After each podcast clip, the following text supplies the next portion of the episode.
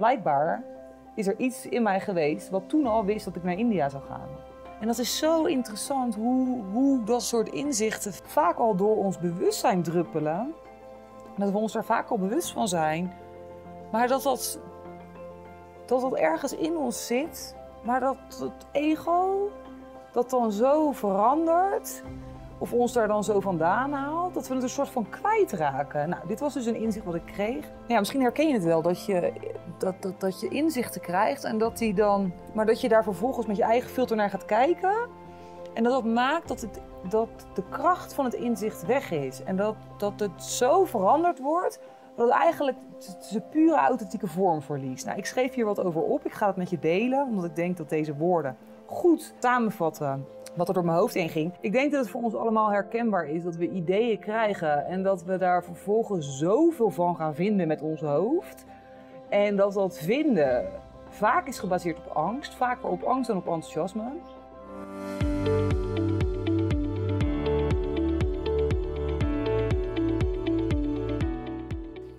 Goedemorgen lieve kijker of lieve luisteraar. Super leuk dat je er weer bent. Nou ja, voor degenen die het nog niet weten, via Spotify kun je nu ook met beeld kijken. Maar je kan me ook vinden op mijn YouTube-kanaal, mijn Master Journey. Uh, mijn Master Journey, ja. Of op podcast, als je via YouTube kijkt. Mijn Master Journey, de podcast. Super leuk dat je er weer bent.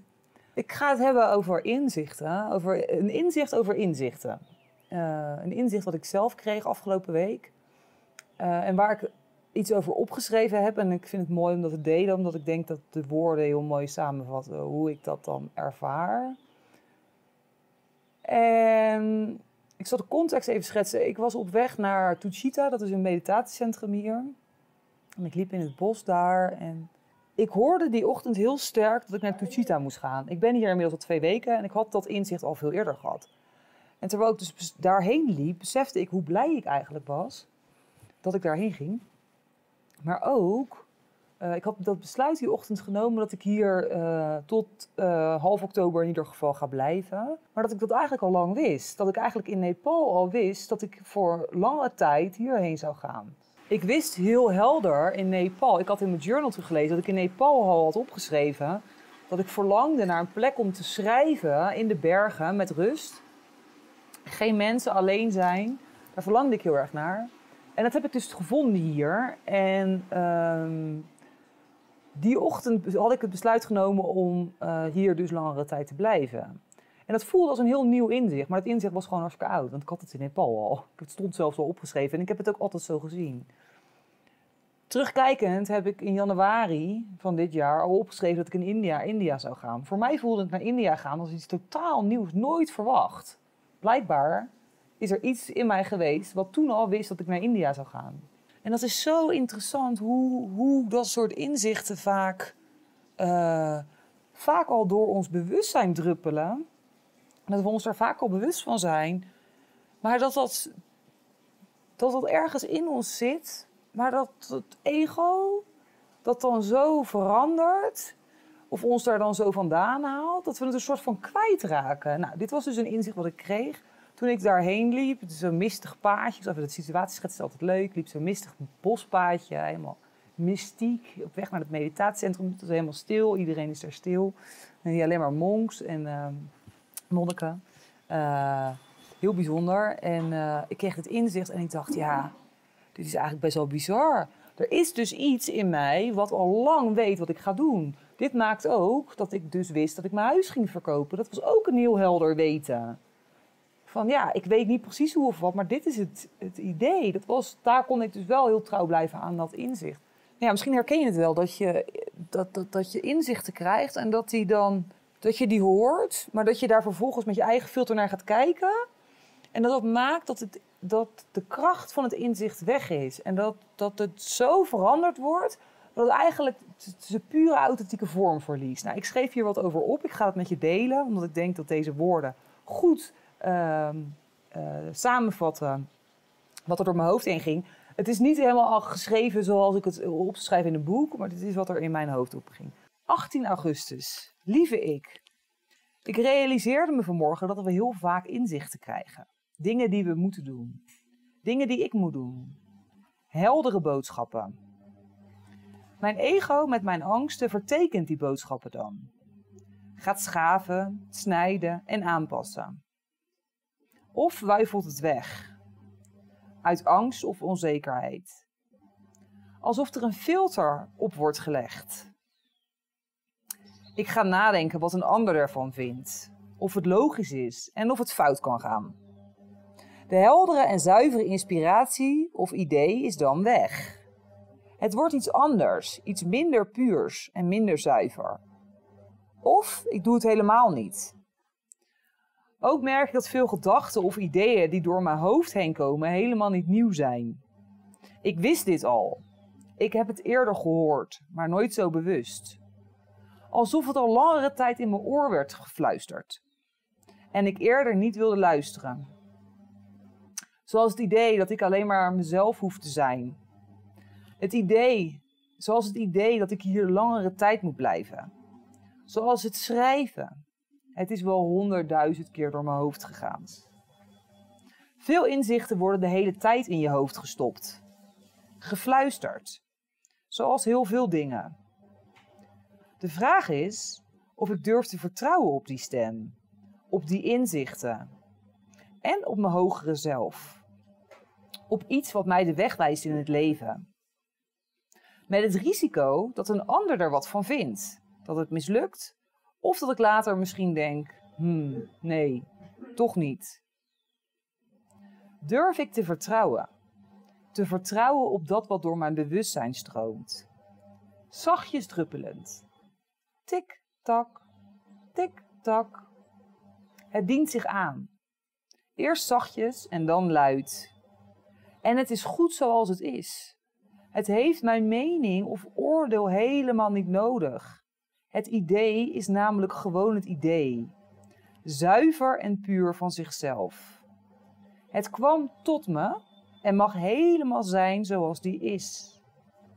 Door te denken hervormen we het. Raakt uit zijn authentieke oorsprong. Betekent dat dan dat denken overbodig is?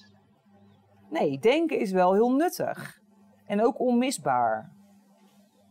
Ik denk dat het verschil in zit in angst of enthousiasme. Je kan in de golf van het idee stappen en meeliften op de energie van enthousiasme. Maar je kan ook veranderen en aanpassen uit angst dat het niet goed genoeg is. Dat anderen er iets van vinden of dat je veroordeeld wordt. Durf ik het idee het idee te houden en te voeden vanuit enthousiasme, vertrouwen en geloof? Alleen dan is het in potentie hetzelfde idee, hetzelfde inzicht, net zo zuiver als dat het kwam. Durf ik te vertrouwen? Te vertrouwen op mijn ziel. Nou, dit is even een uh, stuk uit mijn journal. Nogmaals, ik heb het niet opgelezen om het opgeschreven om het op te lezen, maar ik, ik las het zelf terug en toen dacht ik, wauw, dat heb ik het eigenlijk goed omschreven. Ik denk dat het voor heel veel mensen herkenbaar is, dit. Ehm, het is, de wasmachine staat aan. Het is zo vervelend. Nou ja, probeer me er niet aan te storen. Ik denk dat het voor ons allemaal herkenbaar is dat we ideeën krijgen en dat we daar vervolgens zoveel van gaan vinden met ons hoofd. En dat dat vinden vaak is gebaseerd op angst, vaker op angst dan op enthousiasme. En je kent het ook wel dat het op enthousiasme is gebaseerd en dan ga je er helemaal op door en dan wordt iets heel kleins, kan ineens heel groot worden. Maar dan is het nog maar de vraag of je in actie komt, omdat het uh, uh, ik ben niet goed genoeg syndroom dan weer naar boven komt.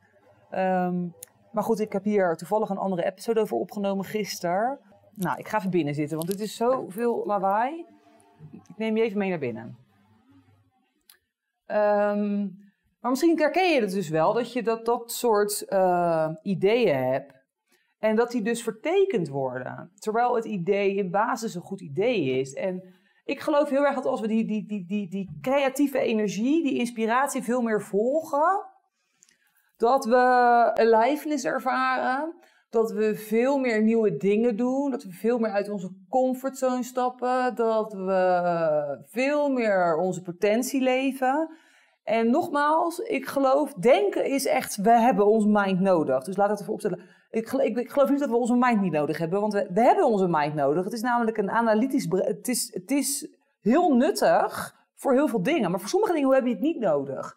En voor dit soort dingen, ik geloof dat als we dus in het idee stappen, het idee wat in basis een goed idee is of een inzicht, en we, we, we, voeden dat met enthousiasme en vertrouwen en geloven in onszelf, dat het dan potentie heeft om tot iets heel groots uit te, te bloeien. En als dat niet iets groots wordt, dan levert het je wel iets anders op. En dat is groei en dat is joy, als je het vanuit die bril kan bekijken. Dus ja, dat is iets wat ik in deze episode wilde delen met jou. Ik hoop dat je er misschien eh, dat je, je erin herkent. Of dat je denkt, nou, uh, ik, heb ook zo, ik heb ook dit soort ideeën. Of misschien kun je bij jezelf ook eens toch meer nadenken van, toch meer luisteren naar dat wat er door jouw bewustzijn druppelt. Want vaak horen we die stem. Ik zie het, ik, ik heb het over in dat wat ik schrijf over. Ik hoorde het al eerder. Bij mij is het iets wat ik dan hoor. Weet je, je gedachten hoor ik dan.